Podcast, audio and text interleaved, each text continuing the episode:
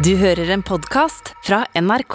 Gro Harlem Brundtland er lege og politiker. Hun var leder for Arbeiderpartiet i elleve år, og ble Norges første kvinnelige statsminister i 1981. Brundtland har styrt Norge i tre perioder. Senere har hun vært eh, generaldirektør for Verdens helseorganisasjon, og i dag er hun nestleder i organisasjonen The Elders. Dette er Drivkraft med Vegard Larsen i NRK P2.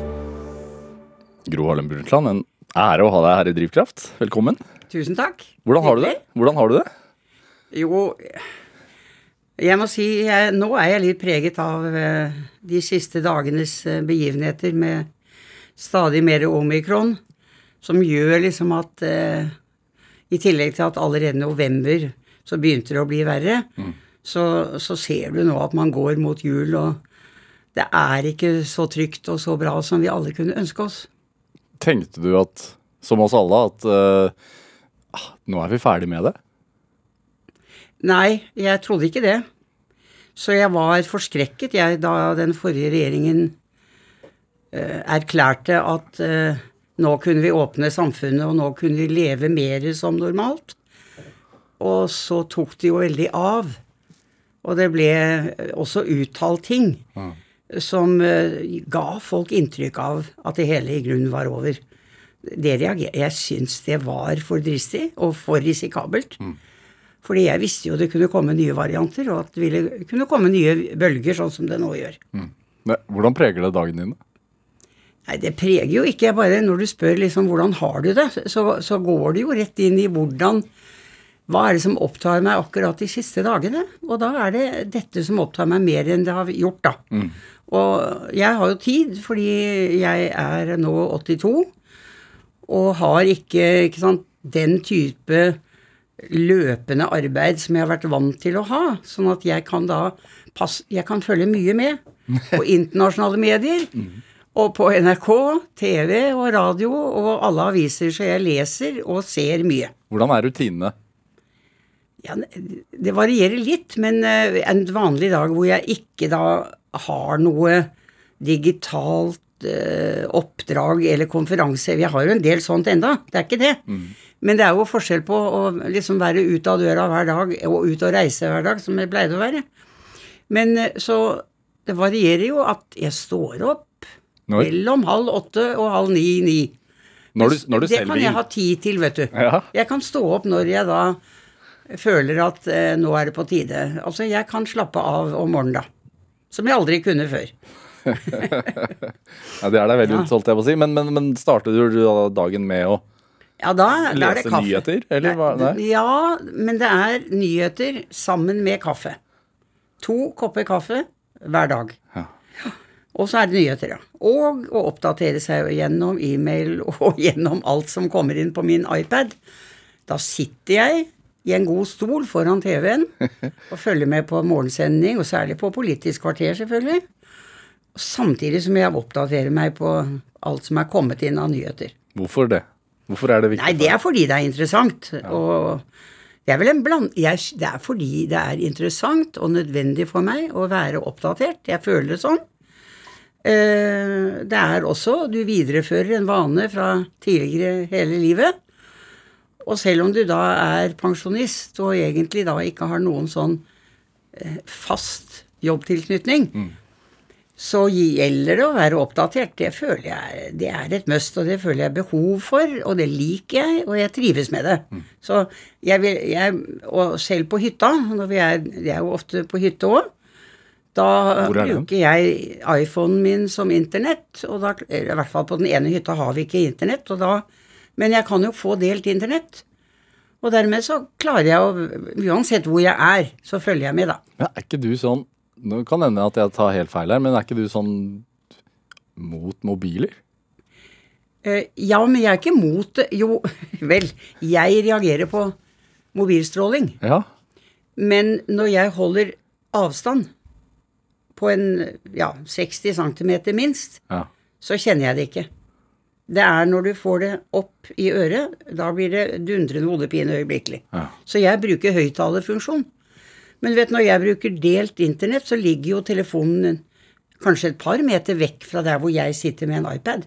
Er det Er... Så da går det helt fint. Ja, så det er verre med de eldre mobilene som ble så fryktelig varme, kanskje. Men, men altså sånn Nei, vet du hva? Ja. Det er ikke bare det. Nei. Det hjelper ikke at det ikke blir varme. Strålene går inn i hodet, og, og, og kroppen reagerer. Dette er for, Folk er forskjellige, men det er, det er ikke varmen. Nei. Det er selve strålingen som jeg reagerer på. Internett og sånne ting også? Så Ja, altså jeg, eksempel min PC, som står inne på et kontor, ja. den har ledning eh, til eh, Hva heter det? Boksen. Ikke sant? Der Ja. hvor det kommer inn. Jeg, har en le jeg må ha ledning. For hvis jeg prøver meg med wifi, ja. Så er det dundrende hodepine øyeblikkelig. Nei, uff. Ja. Men det er jo fælt at vi sitter og snakker om dette, for nå blir det svære eh, mange mennesker som blir urolige. Men da må jeg bare skynde meg å si at selv om jeg da har denne sensitiviteten og denne, kan du si, allergien, så er det jo ikke slik at det er det mest vanlige. De fleste mennesker tåler jo dette. Men av en eller annen grunn så, så har jeg den, den situasjonen at jeg må ta hensyn til det. Og jeg merker, merker det med en gang hvis jeg eh, ikke bruker ledning Ja. fra boksen til PC-en min. Er det andre ting som du er sensitiv mot? Lys? Lys, ja, jeg har fått det òg. Men det, er en, det har kommet de siste tre årene bare. Men jeg tror jo det er en sammenheng. Jeg mener, hvorfor har jeg fått det i tillegg? Ja. Um, lys, altså øyne. Og jeg fikk jo en, en veldig reaksjon fra mine øyne på Altså fra de bølgene som kommer fra en eh, mikrobølge... Eller hva heter det? Ja. En eh, Nei, det heter jo ikke mikrobølge. Hva heter den ovnen som du kan varme opp melk i? Mikrobølgeovn? Heter det det? Ja. Ja, ok. Nei, nå begynte jeg å lure. Altså, det er nemlig, De er ikke helt like. De strålene som kommer fra en mikrobølgeovn, Ja. de reagerer jeg også på. Ja. Men de, men de får jo ikke folk i seg, fordi det er en skjerm. For en mikrobølgeovn er det en skjerm det som, som, som beskytter deg.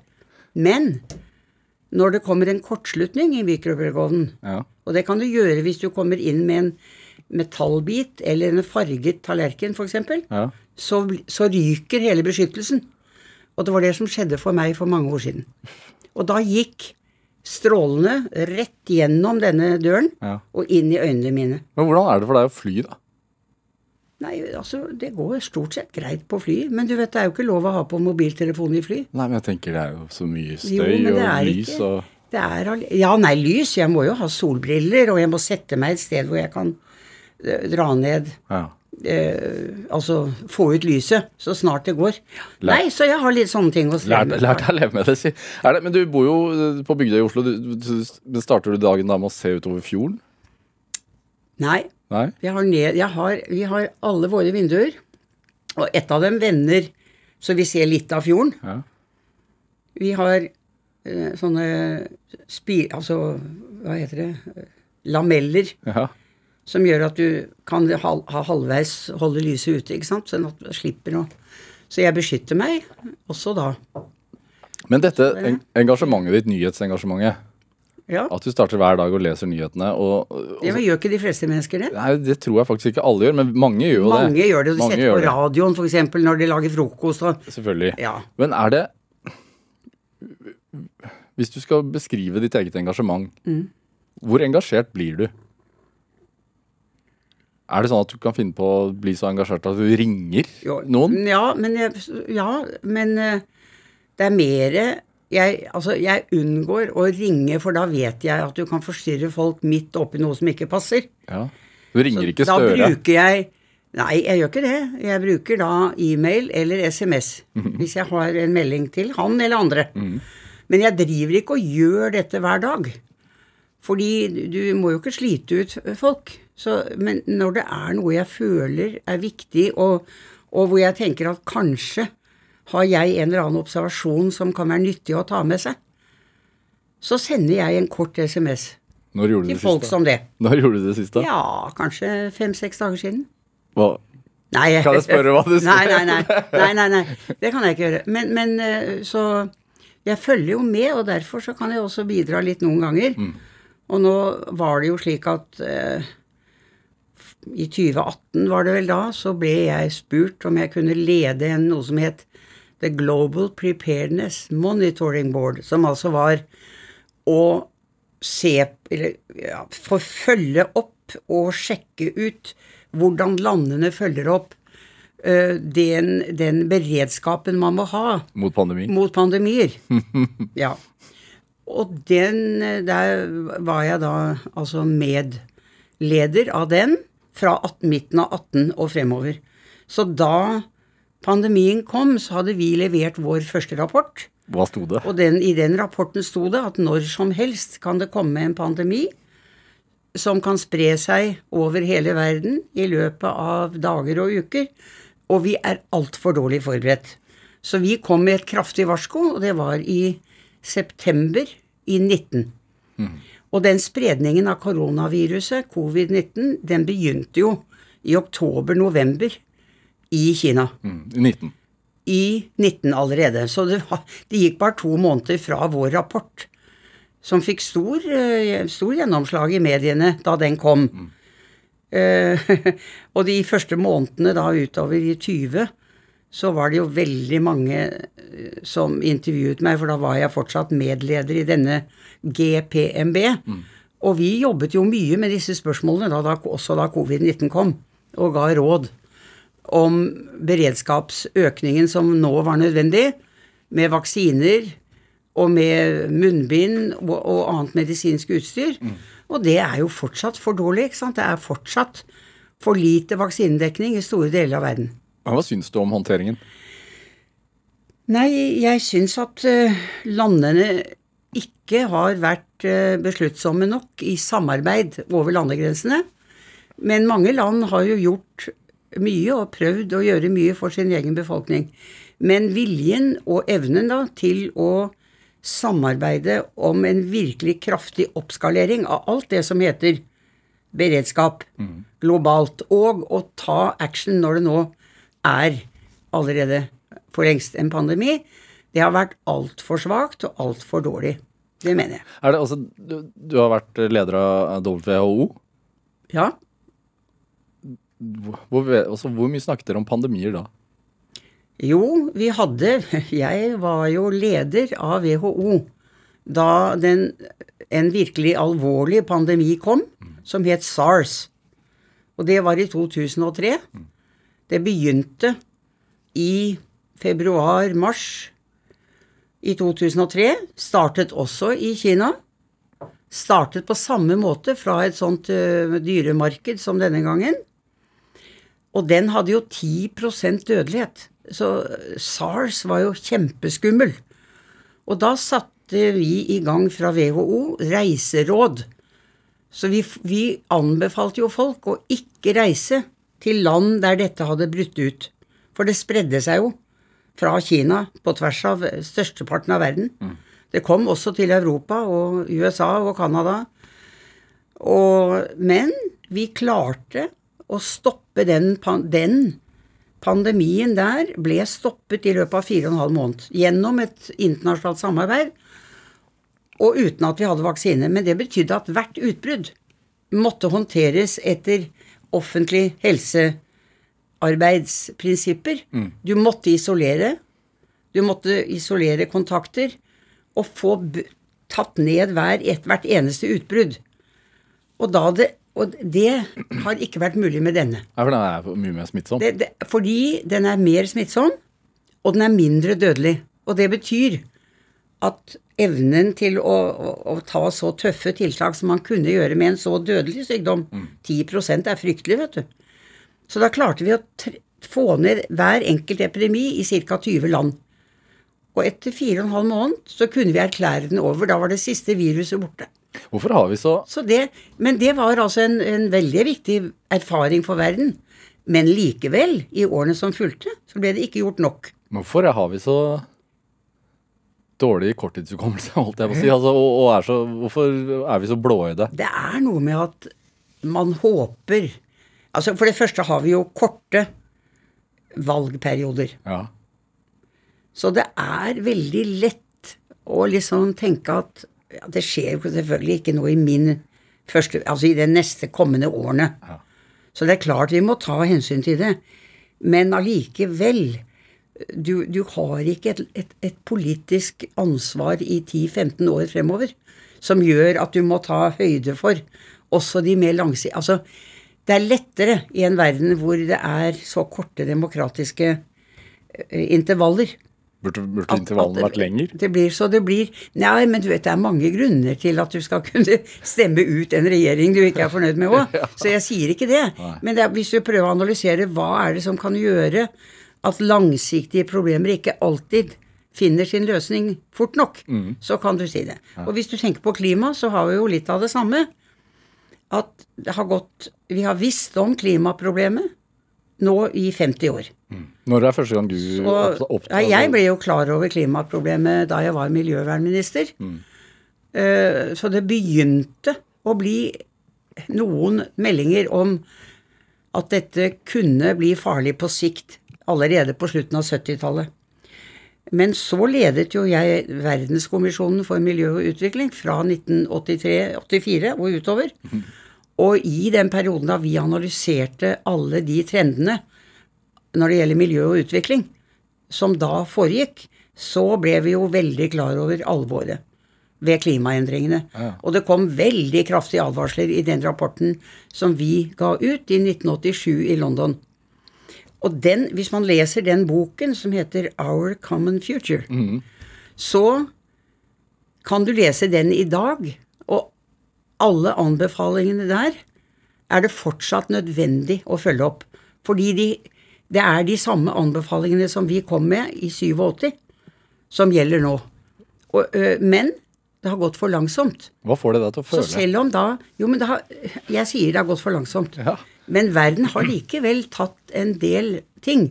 Og, og i 2015 kom jo Parisavtalen. Men da, da var det jo gått 27-28 år. Ja. Men der står det at man må ikke tillate at temperaturen i verden øker mer enn to, og helst 1,5 grad. Og på Glasgow nå, bare for noen uker siden, så gikk det noen skritt fremover igjen. Det går fremover, men for sent. Blir du sint, da? Nei altså, du, hvis du, var, du var med å skrive en rapport kan, for 27 år siden. Jeg altså. kan jo bli litt oppgitt, men jeg er grunnleggende optimist, og jeg er grunnleggende av den oppfatning at sinne er i hvert fall ikke nok. Man må prøve å gjøre noe. Man må prøve å komme med konkrete forslag til nye løsninger og nye måter å se det på. Og, og måter å fordele forresten f.eks. Byrden ved klimatiltakene. Fordi en av tingene du ser jo nå, gule vester i Frankrike protesterer mot økte priser på drivstoff. Mm.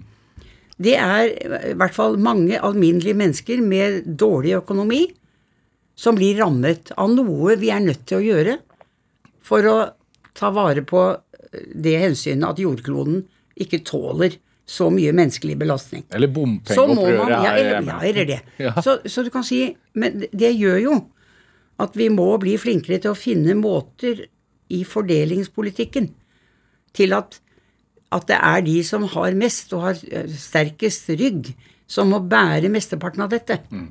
Ja, og det gjelder både mellom land. De rikeste land må ta større belastninger enn de fattigste land.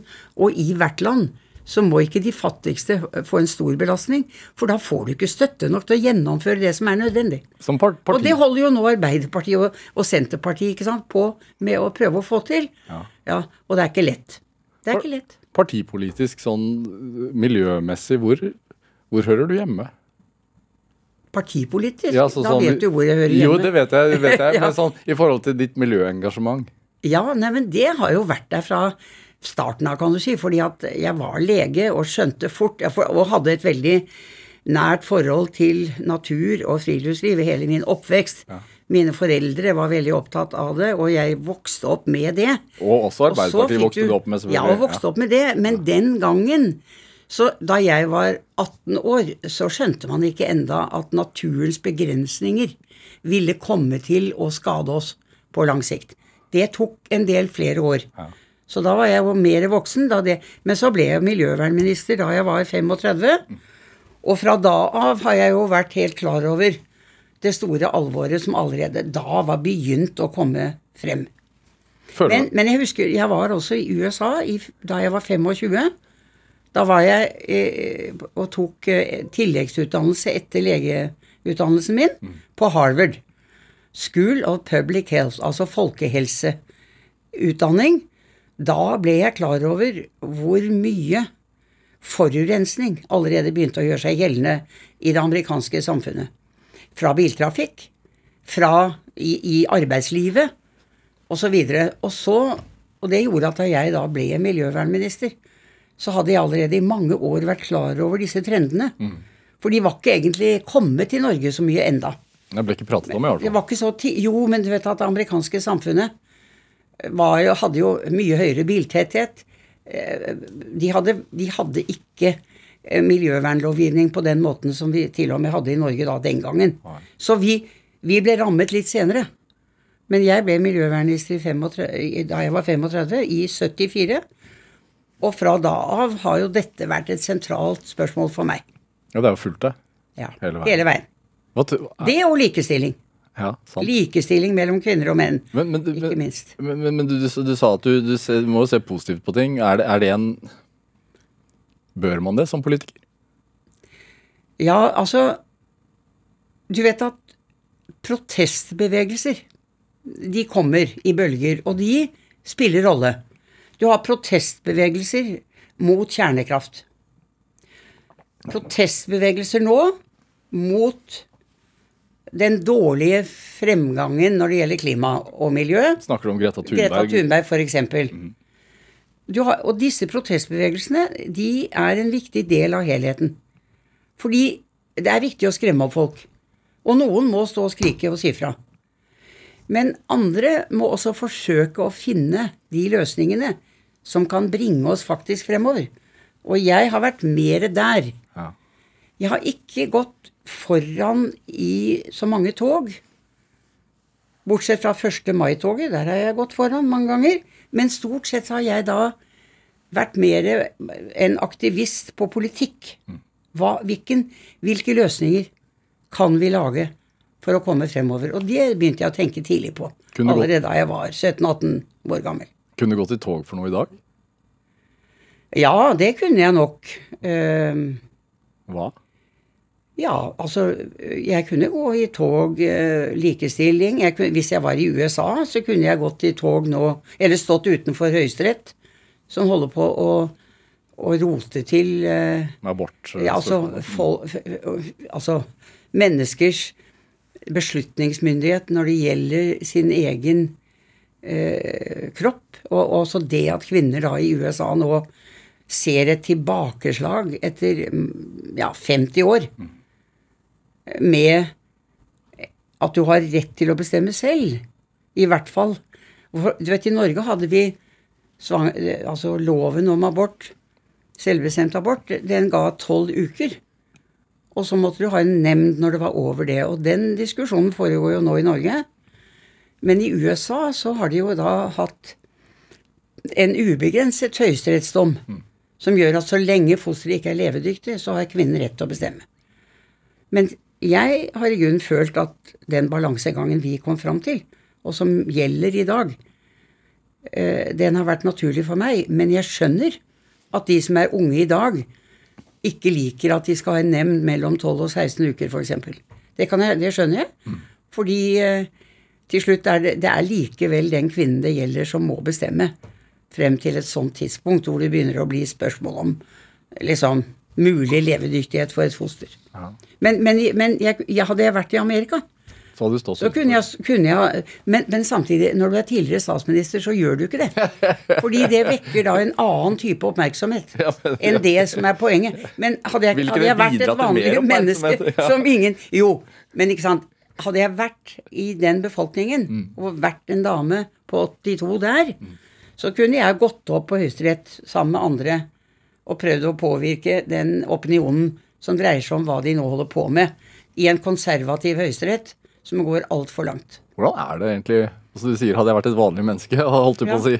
Ja, jo, men, det, Men poenget hvordan- er at du, du, du, du kan ikke Jeg har ikke vært det jeg nå mente med et vanlig menneske. siden 1975. Ja, hvordan er det Hvordan er det å være Gro Brundtland? Men vet det tar tid før du skjønner det. Ja. Du drar på hytta om sommeren. Har med deg barna. Selvfølgelig, de er der. Og så skal vi handle. Så er vi inne i Fredrikstad og går i et handlesenter der. Og så oppdager jeg det at eh, disse barna, det yngste er jo da eh, ikke mer enn åtte-ni år gammel. Og han skjønner han, han går i hyllene sånn som barn prøver seg. På å ta ut sjokolade eller et eller annet. ikke sant? Og så sier han nei, Jørgen, vi skal, det skal vi ikke ha. Sånn. Og så begynner folk rundt å stirre. Og så plutselig kommer det til og med kanskje et kamera. Og så skjønner du det at du kan ikke være en mor som i et handlesenter passer på barnas atferd på vanlig måte. Fordi da kan andre oppfatte at du kjefter på barna. Som de aldri ville tenkt på hvis det var en annen person. Som tar sønnen Som sin sa- på skulderen ja, og bærer da, ut. Ja, nettopp. Da ville de godta at vedkommende Selvfølgelig stopper man barn Ja. som prøver seg med å overta regien. Men de barna skjønte jo fort at jeg var handlingslammet. Dine barn. De skjønte jo Ja, det, det var jo ikke Det skulle ikke mer enn én gang til, det. Så forsto jo de at mamma turte ikke å si noe. Ja, det er gøy. Så jeg måtte jo slutte å ha det med. Ja. Og sende Olav til å handle. Altså, jo, men det illustrerer at uh, du er ikke lenger et menneske som kan gå fritt omkring. Nei. Hvordan er det i dag? Så, nei, nå er det jo mye bedre, da. Det, uh, det har gått gradvis. Over de siste 10-15 årene. Men hvis vi går 20 år tilbake, så var det jo fortsatt slik at alle i Norge med en gang visste hvem jeg var. Og mange også i andre land, men i hvert fall i Norge så var det fortsatt sånn. Men, men så Nå begynner det jo å bli Nå kan det være en god del unge mennesker som er under 30, som ser meg, og som ikke vet noe om det. Og det er en lettelse, vet du. Er det det? Ja. Ja. Men det er veldig mange som kjenner meg igjen også nå. Fordi mange, veldig mange mennesker er over 30, du. Og, og kan kjenne igjen, selv om jeg nå har lengre hår. Ja, Skal vi ta bilde, da? Hva? Det er, jo, det er jo hendig at folk stopper og spør om de kan ta bilde. Ja. Ja. Stiller du opp på det, da? Jeg er snill, vet du. Så lenge mobilen er 60 Jeg er cm unna, si. grunnleggende sett snill, sånn sett, ja. Det må være litt avstand. avstand ja. Gro Harlem Brundtland, vi skal spille litt musikk. Eh, du har med en, en Sven Bertil Taube-låt. Det, ja? Hvorfor, hvorfor, hvorfor låten 'Englamerk'? Ja, det er jo miljøsangen. Altså, for Det er to ting å si om det. Det ene er at eh, Evert Taube var en musiker og sanger som faren min satte stor pris på. Så den, all hans musikk og alle hans sanger, hans sanger hørte vi når vi var på hytta. Og særlig i julen. For da var det også sanger som hadde Han hadde tid til å høre på musikk. Og vi og barna og jeg satte pris på det. Og så gikk det jo mange år, og da jeg da ble miljøvernminister, så plukket jeg på en måte ut 'Englamark' som den sangen som talte mest til akkurat det jeg da har jobbet mest med. Men når du hører den nå, tenker du på faren din da, eller på tiden din som miljøvernminister? Begge deler. Jeg gjør det. det, det, det de to tingene henger veldig nøye sammen. Skal vi høre? Ja.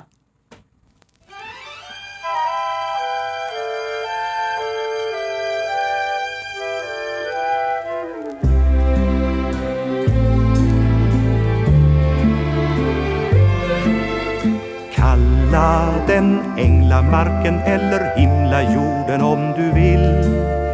Jorden vi ärvde och lunden den gröna.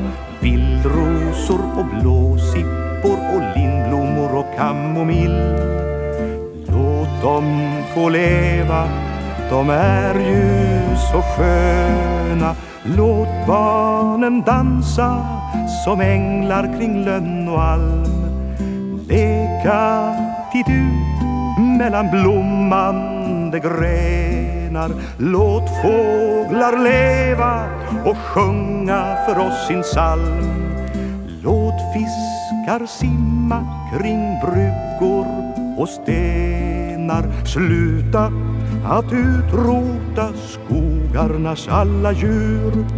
Låt örnen flyga, låt rådjuren löpa. Låt sista elven som brusar i vår natur Brusa alltjämt mellan fjällar och gran och fur Kalla den änglamarken eller himlajorden om du vill Jorden vi ärvde och lunden den Vildrosor och blåsippor och lindblommor och kamomill.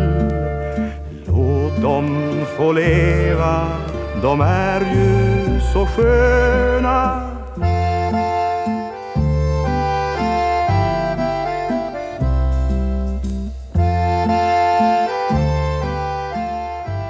Ja, du fikk en smakebit av Evert Taubes Englamark her i Drivkraft på NRK P2, valgt av dagens gjest her i Drivkraft, nemlig tidligere statsminister eh, i Norge, Gro Harlem Brundtland. Eh, Jeg kunne, altså jeg kunne jo definert altså Tidligere statsminister er bare én ting. Du har gjort så mye.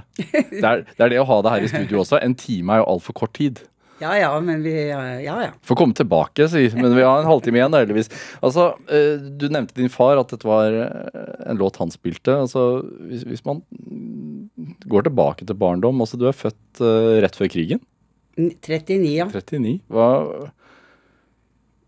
Hvordan Jeg, altså, preget det? det Ja. barndommen? Altså, fordi du hadde en litt sånn annerledes start på livet, for å si det En annerledes barndom, ja. Fordi eh, babyen Gro i 39 merket jo ikke noen ting. Selvfølgelig. Men det var jo bare, jeg var jo bare et år gammel da krigen kom. Mhm. Og da begynte det å prege hele familien min. Hvordan? Fordi eh, først så dro Faren min, han eh, jobbet jo Han var da nesten ferdig lege. Han var ikke helt ferdig, men han jobbet allerede med Carl Evang, som var helsedirektør.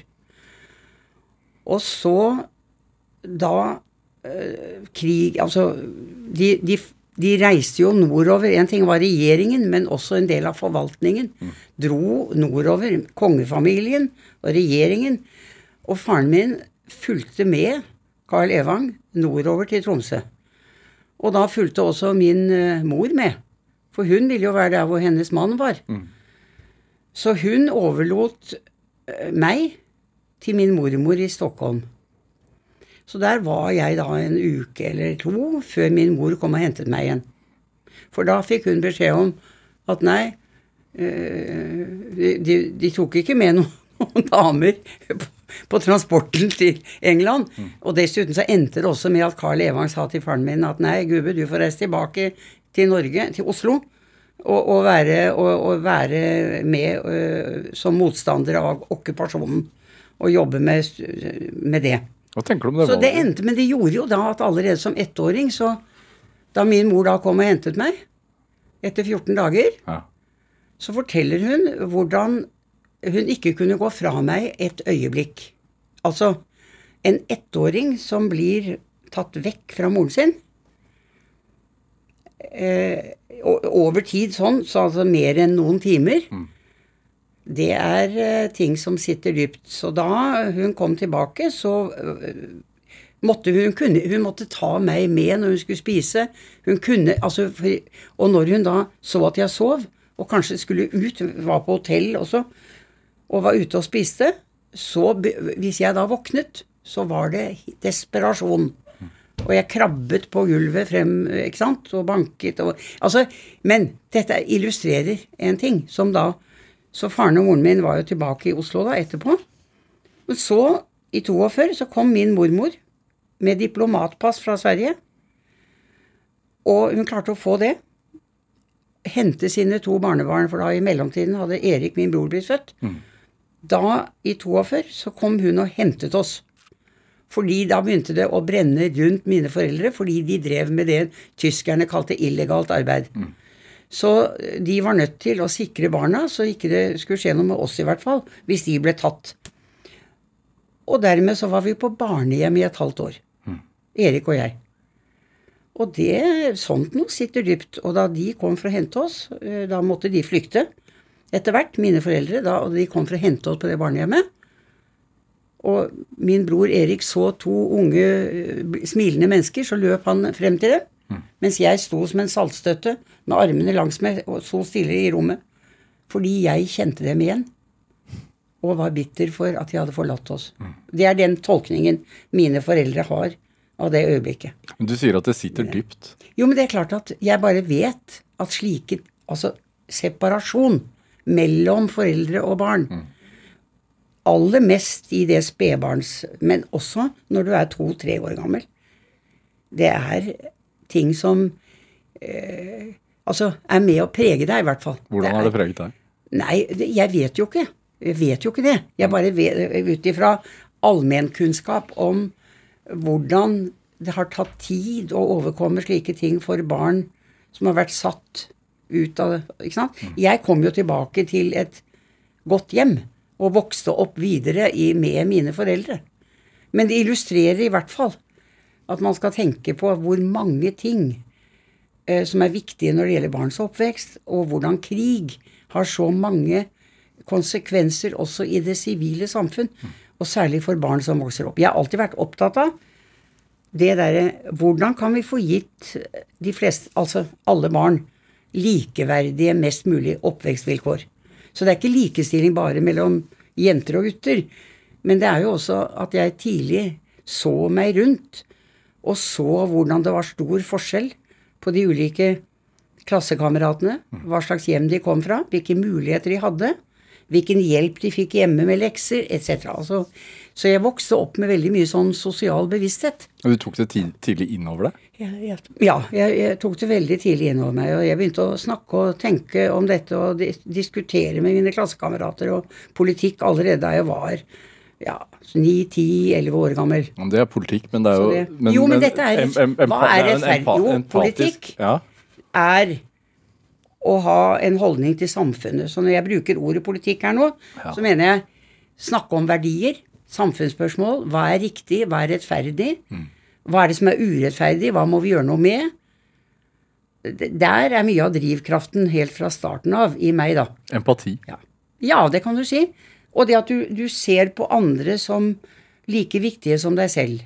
Ikke sant? Og da spør hva, hva kan vi gjøre for at alle skal få like muligheter? Og da, det kan du se på i ditt eget lokale samfunn, i ditt eget land. Men du skjønner jo fort at det gjelder jo også utenfor landets grenser. Men sånn som her her hjemme, da, så er det noe urettferdighet som du observerte, som du husker godt? Ja, jeg husker veldig godt uh, hvordan jeg eh, Altså, ja, jeg var jo også medlem av Framfylkingen, som er Arbeiderpartiets og altså arbeiderbevegelsens barneorganisasjon. Den er nå Den fins fortsatt, men den er nesten glemt. Sånn at det, det var på en måte arbeiderbevegelsens speideralternativ for barn. Ikke sant? Vi gjorde veldig mye de samme tingene som man gjør i speideren. Vi lærte, men vi lærte empati. Vi lærte førstehjelp. Vi gikk turer. Altså vi gjorde alle de tingene som du forbinder med det. Men, men slik at jeg fikk jo impulser der, og jeg så jo da barn som kom fra helt andre eh, familiebakgrunner. Og med dårligere økonomi enn mine foreldre hadde. De, de, de hadde i hvert fall eh, fast inntekt og, og, og vi hadde en ålreit økonomi. Men, men jeg, så, jeg så fattige familier også. og Jeg så barn i fattige familier. Og det så jeg også i Russløkka, hvor jeg gikk. Russløkka skole var en skole som lå kan du si, sentrum vest, men den hadde jo barn helt frem mot Møllergata skole. Så vi hadde jo hele Vika. Og der var det flere i min klasse som var fra hjem hvor de hadde virkelig dårlig råd. Og jeg var jo hjemme hos dem og så forskjellen. Så jeg reagerte jo på dette her allerede. Så jeg, det var, ja, som jeg sier, ti år og, og sånn. Virkelig dårlig råd, hva vil det si? Nei, det, ja, det kunne være at eh, faren var flyttet hjemmefra.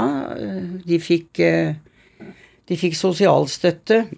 De, de hadde Jeg husker særlig en jente som het Liv. Hun ble spurt da, kom en sosiallærer og banket på døren og ville ha Liv ut. Og så spurte vi Jeg kjente Liv ganske godt, så, og hun sa Så jeg spurte hva, hva var det sosiallæreren ville?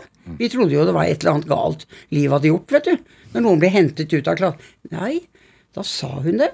Nei, hun fikk uh, av, av skolen vinterkåpe. Altså, poenget er Vi levde i et helt annet samfunn i, uh, på 50-tallet.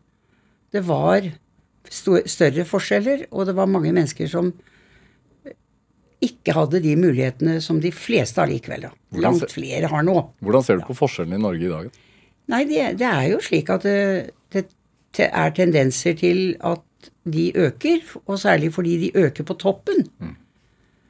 Altså du, Fra midtsjiktet og nedover er det selvfølgelig forskjeller også.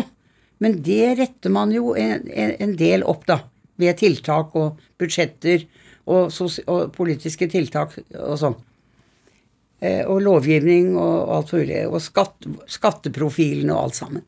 Men det er tydelig at eh, når det gjelder akkurat den øverste delen, men det ser vi over hele verden nå, at eh, det har skjedd over de siste 30 år, kanskje, 40 år, at det har vært en opphopning av formue på toppen av samfunnene, ikke bare i Norge, men mange steder. Hvor stort problem Så den diskusjonen, den ser du jo nå om dagen. Den har jo de siste ukene vært ganske uh, fremme i mediene.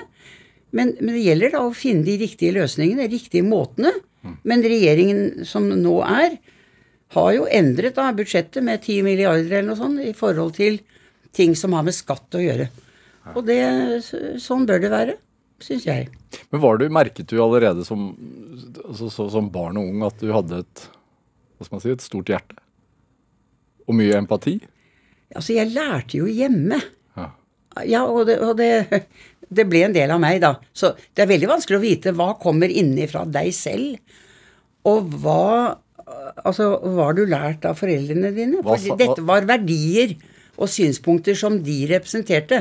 Og de var veldig eh, Altså, vi snakket veldig mye om samfunnsspørsmål hjemme i mitt hjem. Så ved frokostbordet og middagsbordet så var det samtaler om hva som er rett og galt, hva som er rettferdig og urettferdig, og hvordan samfunnet må forbedres. Ble du oppfordret til å delta i de samtalene, altså allerede som barn? Ja, Ja.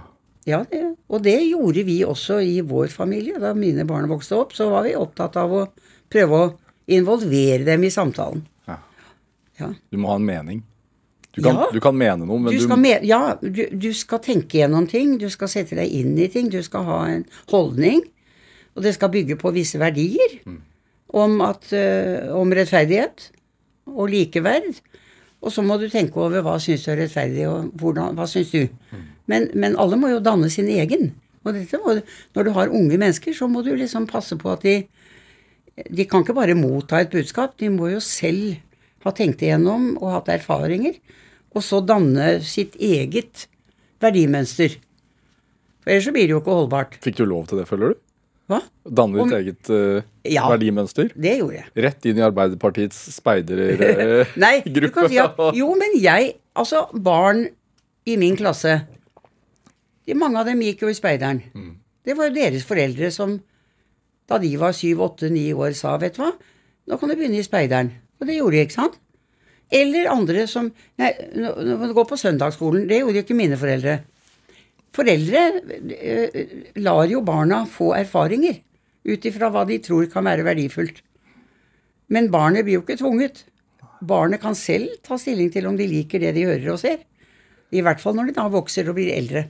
Men det at du så forskjell på folk, og det altså at du hadde et tidlig utviklet ganske sterk empati, var det også grunnen til at du ville bli lege? Eller var det for Ja, å følge i fars, ja. fars fotspor? Nei, det var, det var absolutt kan, Hvordan kan jeg gjøre en forskjell? Hvordan kan jeg bidra? Hvordan kan jeg gjøre mitt? Og samtidig visste jeg jo at faren min var lege, og han jobbet med spørsmål av denne typen. Han var ikke kirurg. Han drev med rehabilitering. Øh, Og han, før det så drev han med altså, folkehelse og hygiene og slike ting. Så det, jeg fulgte egentlig da også i hans fotspor, fordi jeg, i den forstand at jeg så at det han var opptatt av, eh, var hvordan det gikk med befolkningen, hvordan det gikk med landet, og, og hvordan alminnelige mennesker ble berørt av det som hadde med helse å gjøre. Så da jeg valgte, så kunne jeg velge Og så kunne jeg velge det, for jeg hadde gode nok karakterer til å velge det. Og det, det, er jo, det var jo en fordel for meg at sånn var det. Var du naturlig Så- skoleflink, eller var du flittig? Jeg var ikke den flittigste når det gjaldt. Jeg var, jeg var flittig i den forstand at jeg var engasjert. Jeg leste mye. Jeg lærte mye. Men jeg var ikke en som brukte veldig mye tid på lekser. Eh, det gjorde jeg ikke. Men, men det var nok til, nok til at dette gikk bra. Hva brukte du tid på, da? Nei, jeg mener, jeg var jo En ting var jo framfylkingen, Ja. eh, og, og, men det var jo også da etter hvert eh, Sosialistisk gymnasiastlag som vi skapte. Jeg var også formann i uh, Gymnasiesamfunnet på Hegdehaugen. Jeg var med å skape Sosialistisk gymnasiastlag. Og alt dette brukte jeg tid på. Og elevrådet. Så jeg brukte mye tid på andre ting enn selve skolesakene og leksebøkene. Men alt dette lærte jeg jo av. Ja. Som mor, altså hvor viktig har det vært for deg at al- Altså fortelle dine barn at de må engasjere seg? Ja, det, det Altså, du kan si at fordi jeg engasjerte meg så mye i min jobb da de vokste opp, at det tok overhånd i forhold til hvor mye tid jeg hadde i, i alle de årene da de var unge. Hvor mye var du Så hjemme? måtte jeg være litt Da måtte jeg være litt forsiktig Altså, jeg kunne ikke si 'gjør som meg'. Fordi det ble jo etter hvert sånn at, at jobben min tok så mye tid at jeg ikke kunne anbefale direkte for min datter, f.eks., å være så eh, engasjert og så forpliktet av jobben sin at det kunne liksom føles som at det ikke var Mor var ikke nok hjemme. Så det slet jo jeg med, selvfølgelig. Så det gjorde jo også at det var ikke så lett å, å bare si til barna, vet du hva, gjør som mor. For det, det sa jeg ikke. Ja. Men eh, engasjer dere, ja. Men, men, men ikke nødvendigvis eh, eh, kom i en situasjon hvor det blir vanskelig å balansere at du har fire barn, og at du har en svær jobb. Du ledet Norge, men hadde, var, du ledet Norge, men hadde dårlig samvittighet. Ja, innimellom. Ikke sant? Hvordan var det? Nei, det var jo slitsomt av og til. At, eh, men jeg hadde jo en veldig bra mann, da. Så jeg hadde jo en, en mann som tok på seg foreldreansvar på en måte som ikke alle menn ville gjort så naturlig som han gjorde. Men man føler jo savn. Han tok det alvorlig og, og, og eh, skjønte at det var hans bidrag. Ikke sant? Så de, de hadde jo en far som var hjemme til middag. Selv om jeg da kanskje kom hver tredje gang eller hver fjerde gang. På det verste. Eh, på det. Men jeg var jo jeg alltid her til frokost da, hvis ikke jeg var ute og reiste. Så vi hadde jo Så dem jo hver dag, stort sett, da. Når jeg ikke var ute på reise direkte. Ja, altså, du, du nevner jo det at dere ble sendt uh, til mormor uh, to omganger. Men også, du, dere dro jo også til England da du var 13 år. Ja. Det som også var ganske tidlig. Ble du tvunget? Ja, nei, det var, jo, det var jo mine foreldre som var flinke til å tenke at siden vi hadde vært i USA da, da sammen med dem i ett år Skoleåret da jeg var fra 10 til 11 år, femte klasse der borte, så skjønte de at nå er det viktig at eh, Gro og Erik prøver å opprettholde det engelske språket som de nå har fått gratis. Altså, vi snakket jo flytende engelsk begge to. Og da tenkte mine foreldre da er det klokt at de kan ha en del av ferien sin i England hos noen som tilhører Arbeiderpartiet i England. For da hadde de venner og venners venner som fant en familie som gjerne ville ha oss på besøk. Hva husker du fra det, den tiden? da? Nei, dette syntes jo vi bare var spennende. Det var ikke noe tvang, det. Nei, nei, ikke noe tvang. Det var bare hyggelig og morsomt at vi fikk til det. Ja. Ja. Altså hoved, ikke sant, hele inntrykket av det. Bli kjent med mennesker der borte og lære, ikke sant, lære et nytt land. Og det var jo veldig spennende, det. Først USA var spennende, og så Margate, som jeg var, var i, vi var i, var også spennende. Så det var jo, det bebreide jeg ikke mine foreldre for. Men det er klart, i dagens samfunn så ville nok ikke foreldre ha turt å sende barn av gårde. Så tidlig, nei. Det var Den gangen, vet du, så Barn gikk jo ut på gaten og gikk i store avstander til fritidsbeskjeftigelse og alt mulig. Nå tør ikke foreldre det lenger. For det, både er det mye mer trafikk, men det er også andre mer skumle ting på gatene enn det var den gangen. Så, så jeg skjønner jo at mine foreldre hadde en større frihet til å ta sånne sjanser enn det mange foreldre i dag ville gjort. Men du ble tidlig selvstendig, da, kanskje? Ja, det gjorde man. Det tror jeg nok. Ja, det Er må det, du regne med. er det Du fikk jo barn ganske tidlig selv. Ja. Er, det, er du en Nå som det snart er jul og sånn, er du et sånn familiemenneske? Liker du å ha storfamilien? Ja, jeg liker det. Ja. Men etter hvert som storfamilien blir enda større, fordi det kommer nye generasjoner, det kommer eh, svigerfamilier, og det, så må man jo finne seg i at barn, også store voksne barn langt opp i 30- og 40-årene, de er eh, hos den andre familien, hos ektefellens familie. Sånn at det- det blir jo nødvendigvis slik at du ikke alltid kan få hele familien din samlet. Men vi hadde nettopp eh, en middag hjemme da vi feiret Olavs 85-årsdag. Da var det hos oss alle etterkommere etter Olav og meg, pluss helt ned til de to oldebarna våre. Alle var der. Og da var vi 21, men da var det også min søster og svoger. Fordi min søster er jo 25 år yngre enn meg, så hun har vokst opp som en del av familien nesten. Altså, hun er på alder med mine barn. Og dermed så var hun en del av den pyramiden vi da vi regnet ut hvem er det Snakker hun mest med deg eller barna dine? da? Hva? Snakker hun mest med deg eller barna dine? Min søster? Ja. Ja, nei, det er nok sikkert Det har sikkert vært veldig todelt lenge. Men jeg opplevde at min søster virkelig var min, ble min søster fullt ut da hun fylte 50.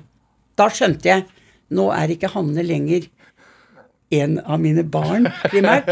Hun er nå min søster. Hun er 50. Men altså det at Ja. uh, Olav fylte 85 og du er 82, Ja. altså, hvordan er det for deg Ja, å bli, eldre? Altså, vi er, jo, men vi er heldige for så vidt. Vi har jo hatt våre forskjellige ting, og vi snakket jo litt om dette å begynne med. Men det er begrensninger og ting man må passe på osv. Men vi, Olav og jeg, går tur hver dag.